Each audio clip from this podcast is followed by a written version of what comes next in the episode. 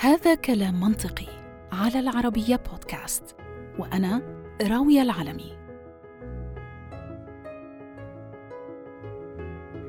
لأنه الشيء بالشيء يذكر حضرتني فكرة من عدة أسابيع قليلة. ضليت أقلبها براسي لأيام حتى وصل ساعي توصيل الكتب من تقريبا أسبوع. إجا وسلمني كتاب كنت طلبته على الإنترنت قبل بفترة. ولكن ما أن وصل الكتاب حتى رحت أقلب صفحاته بشهية طفل صغير في مكان أو محل لبيع الحلوى. الكتاب أصلا مكتوب باللغة الفرنسية لأنه طبعا فرنسيتي محدودة ما بتأهلني لقراءة وفهم كتاب من العيار الثقيل مثل هذا. فأسر لي صديق بصديق قارئ طبعا بأنه هذا الكتاب في له نسخة معربة وهي هاي هي النسخة اللي طلبتها.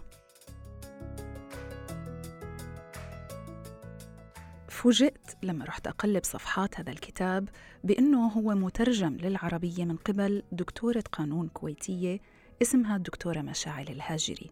هي بتدرس على فكرة في كلية القانون في الجامعة الكويتية وهون عن جد بحب أوجه تحية كبيرة كتير وقبولاتي الحارة لإلها بالرغم من أني أنا ما بعرفها على الصعيد الشخصي ولكن بشد بالفعل على يدها لإهدائها للقارئ العربي شيء بهاي القيمة. وبتمنى بالفعل إنها ما تتوقف بعد هاي التجربة وإنها تتابع لما فيه بالفعل خير القارئ العربي. ولعلمها بحاجاتنا الماسة بالفعل للكتابات ذات القيمة اللي بتضيف لرصيدنا العربي الثقافي اللي للأسف في الفترة الأخيرة أصبح متواضع.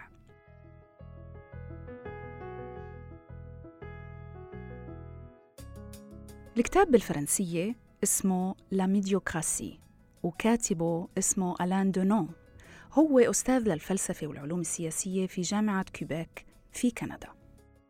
ألآن هو أكاديمي وناشط ومعروف بالتصدي للرأسمالية المتوحشة ومحارب لإلها. معنى اسم كتابه هو يعني المتوسط لو حبينا نترجمه حرفياً. لكن المعنى المرجو من العنوان هو التوسط الغير مرغوب فيه وهو إنه نكون دون المستوى المطلوب.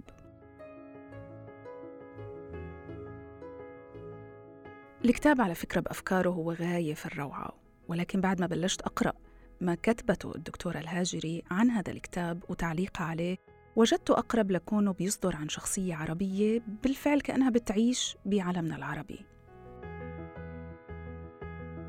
الجميل والغريب في نفس الوقت هو أنه الدكتورة ترجمت الكتاب كامل ولكنها أضافت بضع صفحات في بدايته لتثرينا بجمالية رؤيتها هي للموضوع ككل. ولأنه الحلقة طبعا ما بتتسع لعرض كل أفكارها اخترت مقتطفات منها لأنها تقاطعت بالفعل مع فكرتي اللي تحدثت عنها بالبداية ورح أخبركم تفاصيلها بعد شوي. عموما بتقول الدكتورة الهاجري موضوع الكتاب له فكرة محورية وهي أننا نعيش عالميا مرحلة تاريخية غير مسبوقة تتعلق بسيادة نظام أدى تدريجيا إلى سيطرة التافهين على جميع مفاصل الحياة. فتدهورت متطلبات الجودة العالية وغيب الأداء الرفيع وهمشت منظومات القيم وبرزت الأذواق المنحطة. فتسيدت إثر ذلك شريحة كاملة من التافهين والجاهلين وذوي البساطة الفكرية. نهاية الاقتباس. الهاجري طبعا أتحفتنا بقراءتها للواقع العالمي والعربي كوننا إحنا طبعا جزء من هذا العالم. ومن خلال نظرتها النقدية الحادة لمظاهر السطحية اللي باتت الآن طافية مثل كأنها جثة ميت على مسطح مائي لن يغفلها إلا الأعمى ومش رح نقدر إنه نتجاهلها. نقدت هي الكثير من أوجه حياتنا وللأمانة كل ما كتبته جدير بقراءة وافية إلا أنه اخترت أنا جزء صغير منها لموافقته للفكرة اللي كنت عم بخبركن عنها وهي جزء الثقافة. في هذا الجزء تحدثت الدكتورة عن نقاط عدة اخترت منها التالي لارتباطه بحياتي أنا مثلا العملية وهي الصحافة الصحافة والتلفزيون وأخيرا كمان الشبكات الاجتماعية مواقع التواصل الاجتماعي. لأنه الفكرة اللي في راسي واللي أشرت إلها في بداية الموضوع إنه إلها علاقة بالنقطة الأخيرة وهي شبكات التواصل الاجتماعي أو الشبكات الاجتماعية. رح أستعرضها لكم باستفاضة ولكن بسبب عامل الوقت رح أشارككم بشكل مختصر آه، ما كتبته عن النقاط الأخرى. بتقول الهاجري معلقة على الثقافة يولي المؤلف أهمية كبرى لموضوع الثقافة وهون طبعا هي بتتحدث عن ألان دونو اللي ألف أو كتب كتاب نظام التفاهة بتقول إنها صارت أداة هامة في توطيد أركان نظام التفاهة وبتقول كمان في الصحافة إنه إلها طبيعة اختزالية فبتقتطع من الخبر ما يلائم مصالح ملاكها أينما وجدت في العالم.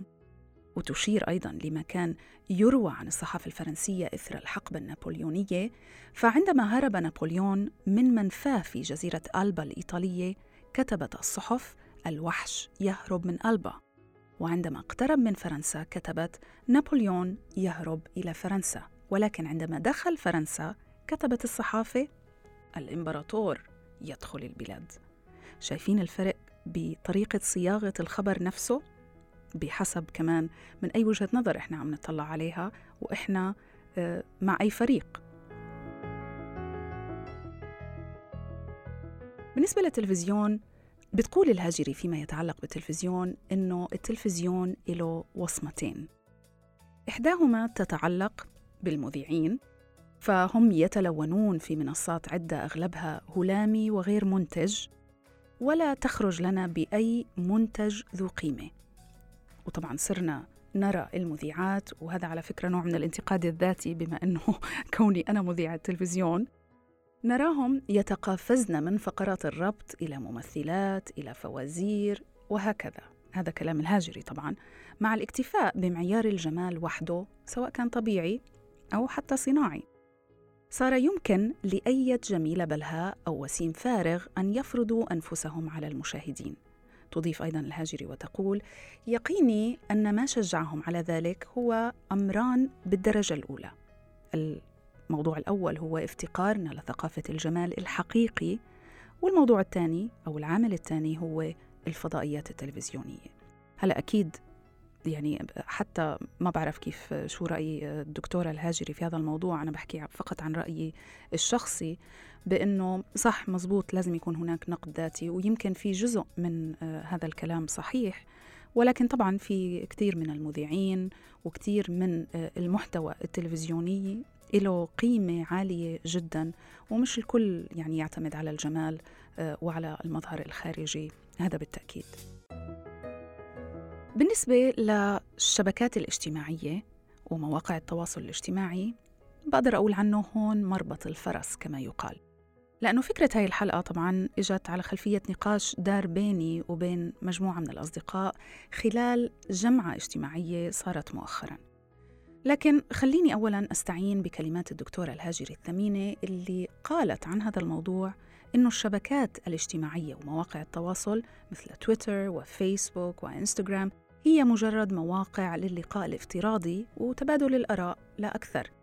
فيها بيتكون نوع من أنواع العقل الجمعي من خلال المنشورات المتتابعة طبعاً. هذا الفكر التراكمي السريع الذي يبلور بدقة وسرعة موضوع محدد نجح في اختصار مسيرة طويلة كان تبادل الفكر فيها بيتطلب أجيال من التفاعل من مناظرات وخطابات مراسلات وكتب ونشر وتوزيع وقراءة ونقد ونقد للنقد. إحنا طبعا هلأ في عصر السرعة يمكن الكثيرين ما بيلاقوا إنه في وقت لكل هذا الأخذ والرد. رغم كل هذه الفرص كما بتقول الهاجري فقد نجحت هذه المواقع مواقع التواصل الاجتماعي بترميز التافهين كما يقال يعني تحويلهم لرموز. هذا الموضوع طبعا زي ما كلنا عم نشوف بيجعل من تافهي مشاهير ال social media ومن الفاشينيستات وسطحيي الثقافة وطلاب الشهرة يظهروا بمظهر النجاح النجاح الباهر. طبعا باعتقادي إنه هو أمر يسأل عنه المجتمع نفسه اللي دأب على التقليص التدريجي لصور النجاح اللي بتعرفها البشرية ككل. يعني بنحكي عن العمل الجاد عن الخير للأهل المواطنة الصالحة الأكاديميا الآداب الفنون ألغاها كلها من قائمة النجاح واختزلها في شغلة واحدة فقط وهي المال. فلم يبقي إلا عليه وحده كمعيار. حذرنا من ذلك كثيرا وهون الكلام للهاجري وبتقول إنه من ينكر الآن إنه المشاهير والفاشينيستات حققوا النجاح فعلا وفقا لمعيار المال. وهو المعيار الوحيد اللي وضعه مجتمعنا نصب أعين شبابه. وهون فعلا هذا الموضوع محتاج لوقفة ومحتاج لتفكير طرح بعض الأسئلة ومحاولة الإجابة عليها. المهم خلينا نرجع للنقاش في الجمعة اللي خبرتكم عنها. بتقول إحدى صديقات صديقاتي كانت عم بتخبرني بتوجه الحديث لإلي بأنه هي بتحب مشاهدتي على التلفزيون كتير ومن أيام آه، لما شافتني قررت أنها تتابعني على وسائل التواصل الاجتماعي. بدأت تبحث عني ورغم وجود اسمي على إحدى الصفحات ووجود هذا المؤشر الأزرق يعني verified على إنستغرام بتقول إنه ساورها الشك لأنه عدد المتابعين اللي كانوا على صفحتي متواضع نوعا ما مقارنة بمذيعين كتير آخرين أو فنانين. فشكت بأنه هاي هل هي فعلا صفحتي بالفعل؟ وسألتني هذا السؤال. طبعا أنا يعني أحرجت وحسيت بحرج شديد لأني ما كنتش متأكدة أنه عن جد بدي أفتح حابة أني أفتح مثل هذا الموضوع للنقاش العام. ولكن فجأة أحد الحاضرين أيضا قال بأنه منذ فترة فعل نفس الشيء وما كان متأكد من أنه هاي صفحتي أم لا نظرا لأنه مش كتير في عليها متابعين على الأقل مقارنة بغيري من المذيعين ومن المشاهير. وفجأة علشان إحراجي أنا يزيد لقيت كل الطاولة عم تنظر باتجاهي ولقيت حالي مجبرة على الإجابة. فبالتالي قلت آه فعلا هي صفحتي. فرجعت سألتني طبعا نفس السيدة نفس السؤال طب لماذا عدد المتابعين متواضع نوعا ما بالمقارنة مع غيرك؟ فأنت لست جديدة مثلا بالتلفزيون. قلت لها صحيح أنا مش جديدة في التلفزيون. ولكني جديدة في ال social media. هون الهدوء زاد أكثر والحرج زاد أكثر في هاي الجمعة وكلهم كانوا بينظروا لي بنظرة أها كملي فصراحة حسيت إنه ما في مجال لتفادي هذا النقاش الثقيل على قلبي واللي دوما كنت أحاول إني أتفادى خشية لإيذاء مشاعر الناس اللي بعرفهم من متحمسي هاي المنصات. المهم جوابي كان إنه صراحة أنا إنسان بحب الخصوصية وبعرف إنه نوعا ما أمر غريب نظرا لنوعية عملي ولكن هاي هي طبيعتي.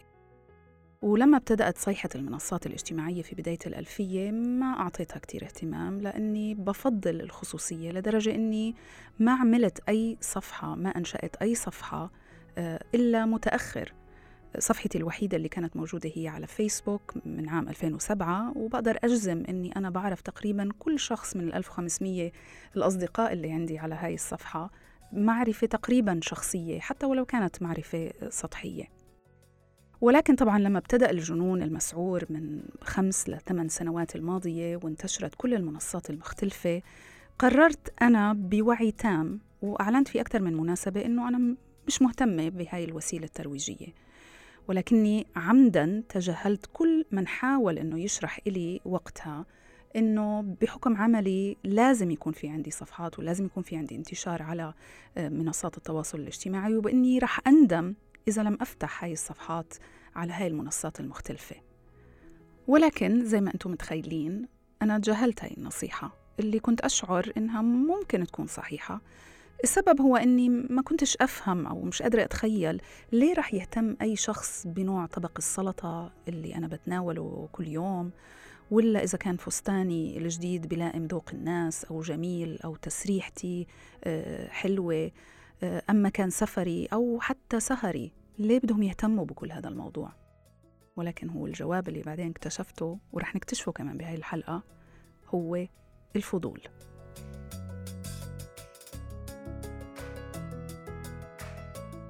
المضحك المحزن إنه في بداية الجائحة طلب من جميع مذيعي قناة العربية تفعيل صفحاتهم على مواقع التواصل الاجتماعي نظرا لإنه في وقتها ما حدا فينا كان عارف إحنا إيش عم نواجه خلال مرحلة كورونا ولكم من الوقت. طلب من الجميع طبعا في هذاك في هذيك الفترة خصوصا في فترة الحجر المنزلي بإنه نستعد لإمكانية تقديم نشرات الأخبار من منازلنا. وقتها الحقيقة أنا صدمت. فأنا مثل غيري بشوف صفحات الزملاء والزميلات اللي حالهم مثل حال أي حد بيعمل في وظيفة توضعهم تحت أعين الجميع.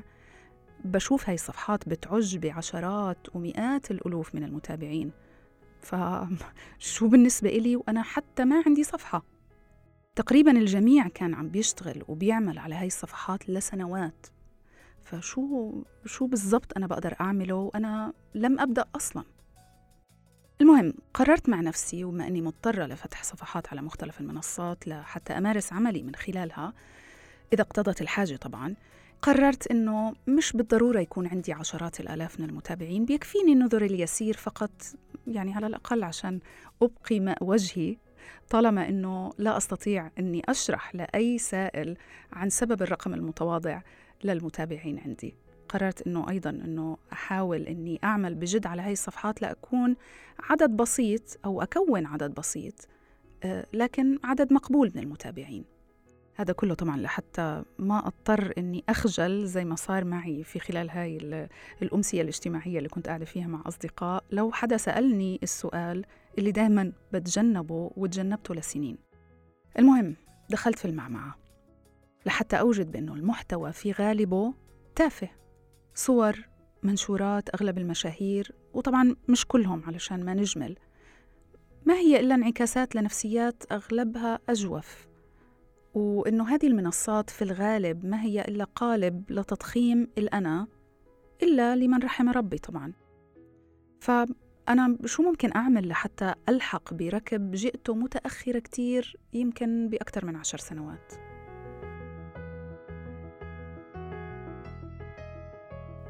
المحتوى ببساطة أغلبه ليس ذات قيمة. وللأسف كلما زادت التفاهة والسطحية كلما زادت الشعبية. فمن يراه المتابعين هو صورة أو هالة كذابة خلينا نقول. حتما رح تشعر المتابع بأنه حياته ما إلها معنى أو حياته لا تستحق أن تعاش. لو قارناها بحياة قوس القزح خلينا نقول اللي بعيشها النجوم اللي هن بتابعوهم أنا شخصيا إنسانة عادية بعيش حياتي مثل ما بعيشها أغلب الناس وطبعا الحمد لله ليل نهار على ذلك ولكني مش دايما على سنجة عشرة زي ما بقولوا وخارج الاستوديو نادرا حتى ما بحط مساحيق تجميل وما بعيش يومي من المطعم الفلاني للفندق الفلاني ولا بقضي كل وقتي مع نجوم المجتمع ومع المشاهير في الميادين الأخرى طبعا للشهرة. وهون بصراحة استوقفني هذا السؤال.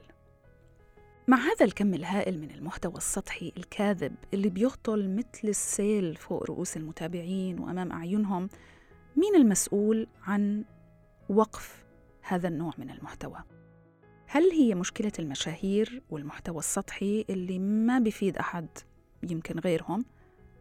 أم إنه المسؤولية بتوقع على عاتق المتابعين اللي بيلتهموا بنهم وبيستهلكوا بشراهة محتوى يمكن لا يمت بأي صلة لحياة الأبطال والمشاهير اللي هن عم بيتابعوهم. وإلى أي مدى بتأثر صورة هاي الحياة اللي يمكن هي أقرب للأحلام على نفسيات الناس اللي بيشاهدوها؟ ويمكن بيشعروا بالحسرة وأغلب الظن بالرفض لواقعهم اللي ببين كأنه مرير جدا بالمقارنة مع هذا الواقع اللي هن عم بيشاهدوه. قررت أطرح هاي الأسئلة على أحد المختصين. فبرحب بأفنان العماري. هي صانعة محتوى رقمي متخصص أكثر ربما بالمحتوى الخبري.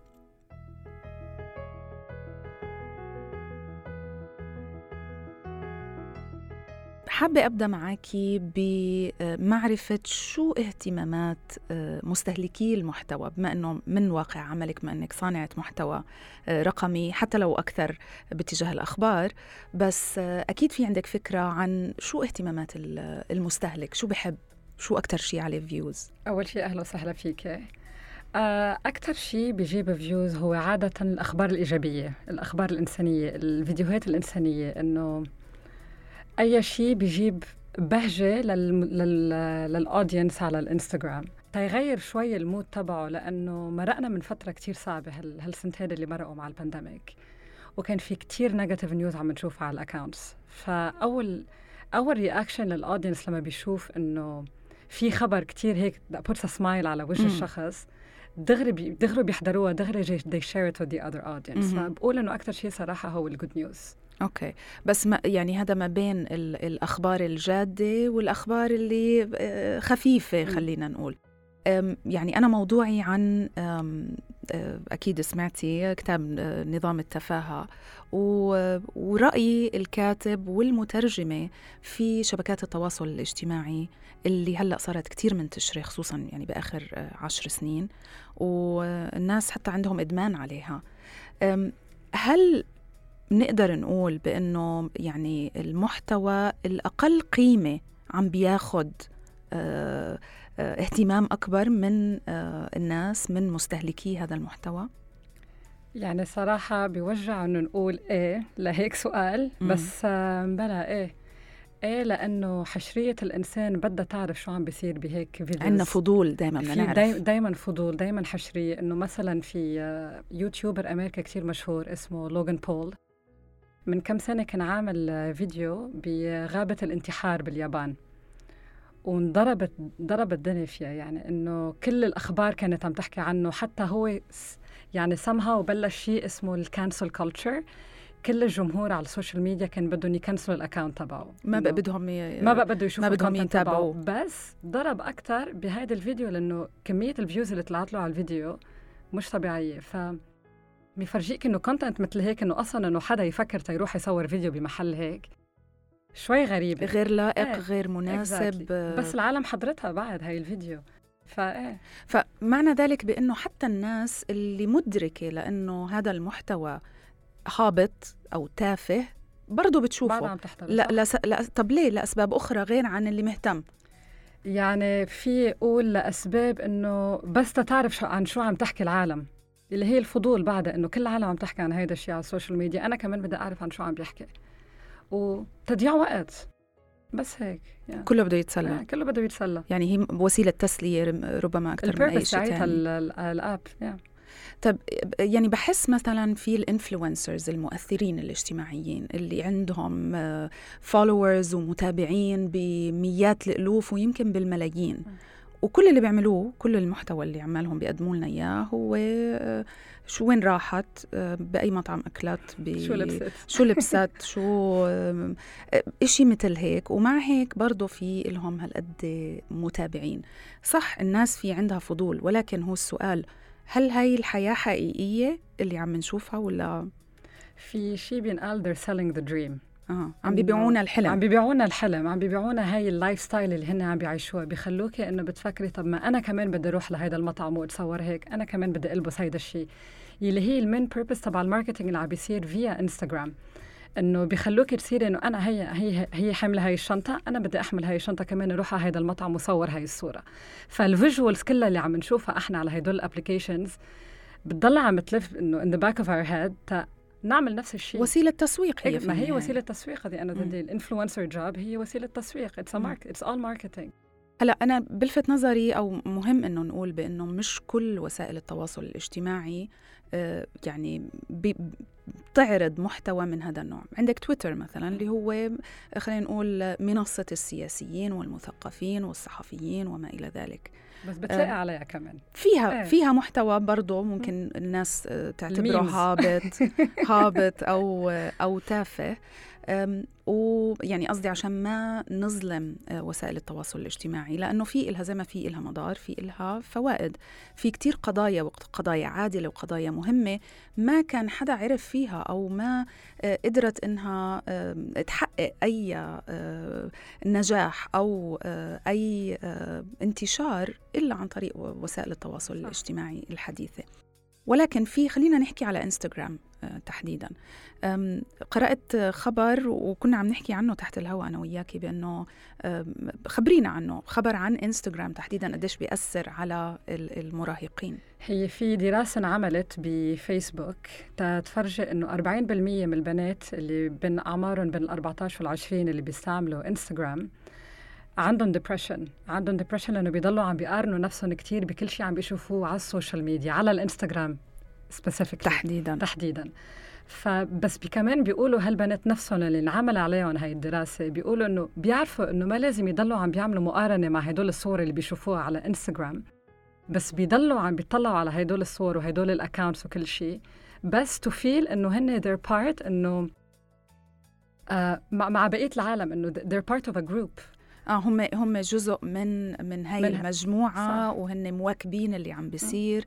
أنا لفتني الحقيقة كمان شغلة تانية بأنه قرأت خبر بأنه آه، المملكة المتحدة الأسبوع الماضي أقرت قانون بيمنع أي شخص بنت أو آه، ولد يعني تحت سن 18 سنة إنهم يعملوا أي إجراءات تجميلية من بوتوكس فيلر أو عمليات ولفتني هذا الموضوع لأنه خلاني أفكر شوف قديش تأثير مواقع التواصل الاجتماعي على المراهقين لدرجة أنه سن قانون. يعني يعني اضطروا أنهم يلجأوا للطريقة التشريعية ليحدوا من هذا التأثير. يعني من واقع عملك كيف بتأثروا المراهقين تحديدا؟ الناس اللي شريحة المجتمع اللي لسه ما شكلت هذا الوعي لتقدر تفرز وتفرق ما بين الإشي الحقيقي والإشي الغير حقيقي. لكن مثل ما كنا نحكي آه ال algorithm بيلعب بطريقة إنه أنا مثلا مثل ما قلت لك private experience آه وقت ال lockdown مع كوفيد كنت عم فتش إنه طريقة تضلني عم بعمل تمارين آه، رياضة بالبيت وكنت عم فتش على account ات على انستغرام تعمل لهم follow من وقتها ليومنا هذا بيطلع لي account ات وصور تبع البنات ال models ال workout الجسم اللي بيكون perfect فأحنا الحمد لله إنه واعيين خلص كبرنا. فلما بنشوفهم لا اراديا بنضلنا عم نقارن نفسنا كمان. بس بنفهم إنه لا عم يبيعوا لنا الحلم. بس هدول البنات ما عندهم هاي هيدا الوعي الكافي تيعرفوا إنه ما ما لازم يقارنوا حالهم بهدول ال pictures بس لهلأ ال algorithm ما فيها ال limit اللي فيه يوقف هالمحتوى اللي عم بيوصل للبنات. إنه مم. مثلا كمان المشكلة الثانية اللي اشتكوا منها البنات اللي عملوا لهم دراسة ال reels ال videos اللي عم بيكونوا عم بيمثلوهم ال content creators تبع الصداقه المثالية العائلة المثالية كل هيدا الشيء. وبيكونوا هن حرام بيكونوا قاعدين بالبيت عم بيقولوا طب ما أنا ورفيقتي لما بنطلع ما بنعمل أشياء هيك. فبيصيروا حتى بيشك بيشكوا بصداقتهم بعائلتهم بمحبة العالم لإلهم. فكل ال confidence تاعتهم بتنزل للأرض which is إنه مش صح بالمرة لل teenagers. فمن المؤكد إنه هناك تأثير كبير على نفسية وعقلية آه، الجيل الجديد سواء بنات أو آه، أو شباب.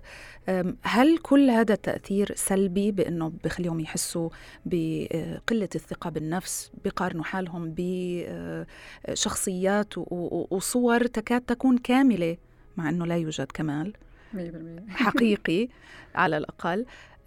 هل كلها سيئة ولا ممكن نقول أنه في بعض التأثيرات الإيجابية؟ في كثير تأثيرات تأثيرات إيجابية صراحة راوية. أنه في مثلا هلأ في مجموعة آه، بنات بالإمارات هون بلشوا أكاونت اسمه Unfiltered.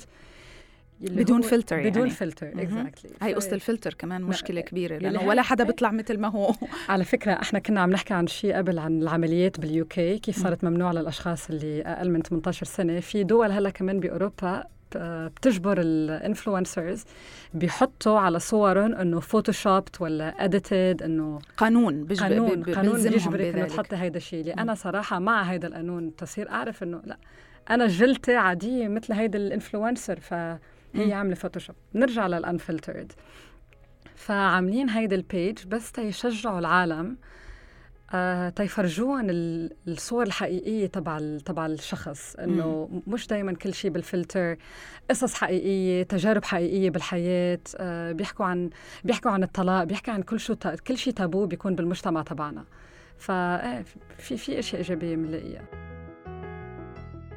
في نوع من أنواع كمان يعني عدم العدل. لأنه بتلاقي مثلا حدا عنده محتوى قيم ممكن يفيد الناس. ما في عنده كتير followers ومتابعين أو likes أو ما إلى ذلك. بينما بتشوفي يعني بدون ذكر أسماء أو حدا معين. ولكن يمكن كلياتنا بنعرف أشخاص مثل هيك. أو we're following. accounts مثل هيك. ست مثلا بت بت بتورجي جسمها أو أجزاء من جسمها أو آه، شخص آخر بيعمل آه، محتوى هابط وما له أي فايدة يعني. ما له أي فايدة غير للتسلية. أو أولادهم كمان. أو بيستخدموا أولادهم. هاي نقطة كتير مهمة كمان استخدام الأطفال. ما بعرف هلا الأطفال يمكن بهذا بيجيبوا views بيج... مش بس بيجيبوا views وبيكونوا هن حابين يمكن لأنه هن أصلا مش هالقد واعيين لتأثيرها ومضارها. آه، الأطفال نفسهم بيكونوا نفسهم إنه هن يصيروا مشهورين. بس ما بيكونوا عمرهم ثلاث سنين وأربع سنين ما بيكونوا عارفين أصلا ال videos تاعولهم وين عم بتروح. آه أكيد. اللي هو شيء كتير خطر كمان إنه الولد في يكبر شي نهار وبيقول لأهله إنه لشو استعملتونا لكل هال videos؟ إنه هو يعني عنده عنده شخصيته الولد حيكبر شي نهار وحيلوم الأهل بركي بيلوم بركي ما بيلوم. بس في كمان طريقة الاستعمال المحتوى لازم يكون مستعمل بالطريقة الصح إنه الشغل ال influencer صار sometimes عم بيتاخد out of the box إنه we have to make it خلص إنه الكل صار بده يكون influencer مع إنه ال market يعني over saturated خلص مليان. أي حدا صار عم بيعرف حاله أنا influencer لا وهل هل صانع محتوى كل شيء. هل هو شيء أصلا جيد للمجتمع لما يكون في حلم موحد لكل هذا الجيل اللي طالع إني أكون مشهور؟ بهاي الطريقة؟ ما, ما بعرف. هاي كلها أسئلة طبعا. إيه. يعني أنا بتمنى أنه المستمعين والمشاهدين اللي عم بيشوفونا أنه يفكروا بهاي الأسئلة. يحاولوا يلاقوا إجابة. أنا نفسي ما بعرف إجابة. للموضوع. ولكن هل فعلا يعني بدنا كل الجيل الجاي يكون متفوق بمجال واحد؟ بغض النظر هذا المجال تافه قيم بغض النظر مجال واحد؟ طب شو بالنسبة للتنوع؟ بس عارفة شو؟ معك حق على فكرة إنه هديك المرة كنا قاعدين بقعدة أنا ورفقاتي وكنت عم بتقلنا إنه كيف ابنها عم بيقول إنه حلم إنه يكون يوتيوبر.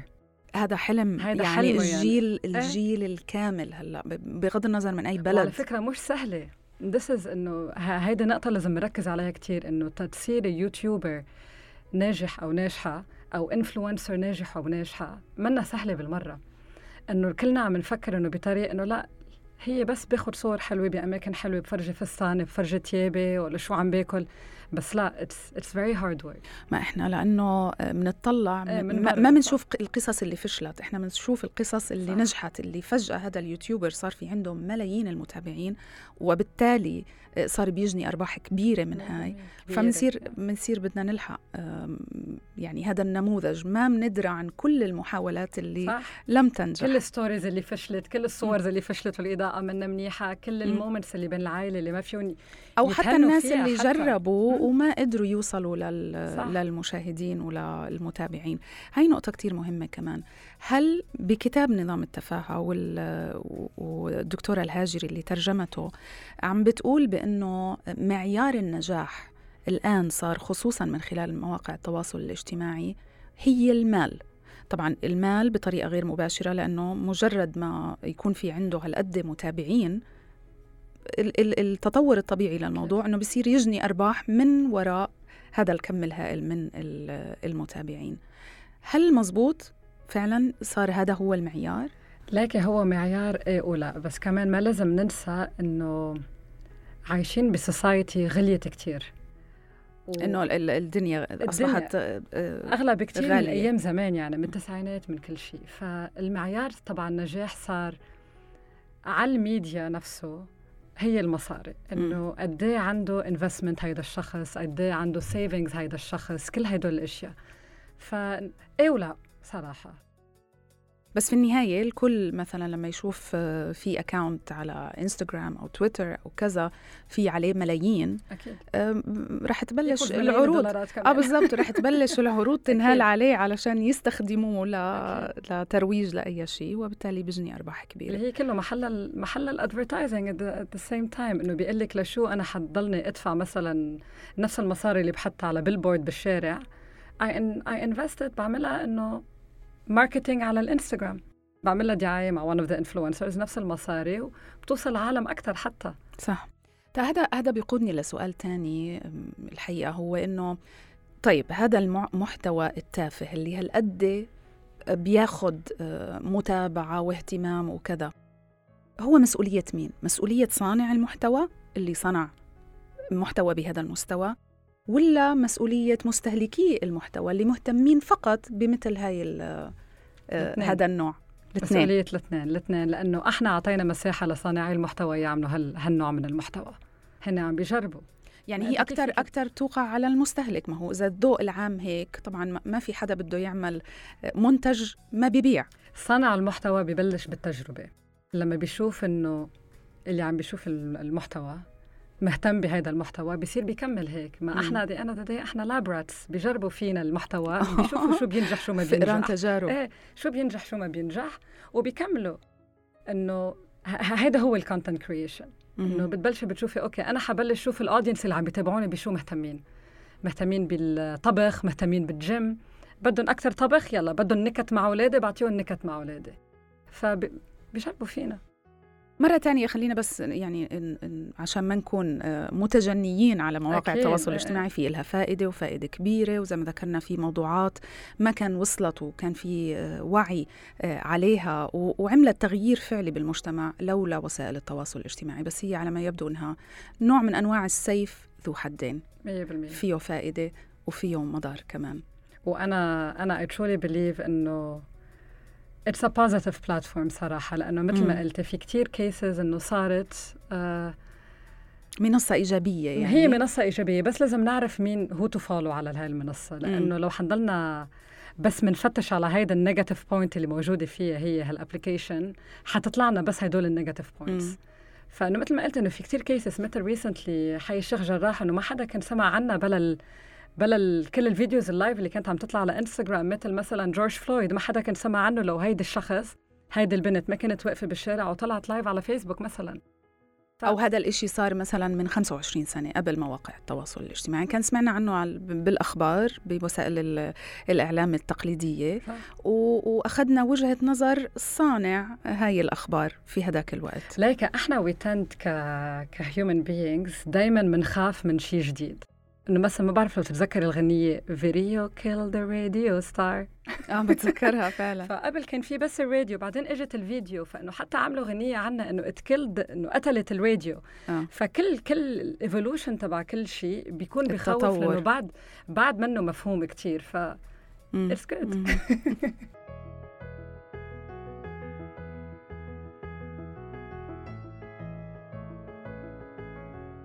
في ختام حلقتنا. حابة أترككم مع هاي القصة اللي يمكن بتطرح أسئلة كتيرة وبتختزل بعض الإجابات سأل صحفي الكاتب المصري المعروف من القرن الماضي عباس محمود العقاد من منكم أكثر شهرة؟ أنت أم محمود شكوكو؟ طبعا للي ما بيعرف شكوكو شكوكو هو مونولوجيست مصري هزلي مشهور كان عادة بيرتدي ملابس مهرجين لإضحاك الناس المهم رد العقاد باستغراب وقال مين شكوكو؟ ولما وصلت القصة لشكوكو قال قول لصاحبك العقاد ينزل ميدان التحرير ويوقف على أحد الأرصفة وأنا يعني شكوكو سأقف على رصيف مقابل ونشوف الناس رح تتجمع على مين وهون رد العقاد قولوا لشكوكو ينزل ميدان التحرير ويوقف على الرصيف ويخلي راقصة توقف على الرصيف الثاني ويشوف الناس رح تتجمع على مين. هذا كلام منطقي على العربية بودكاست. وأنا راوية العلمي. أشكركم. ودمتم دائما بأمان. بإذن الله.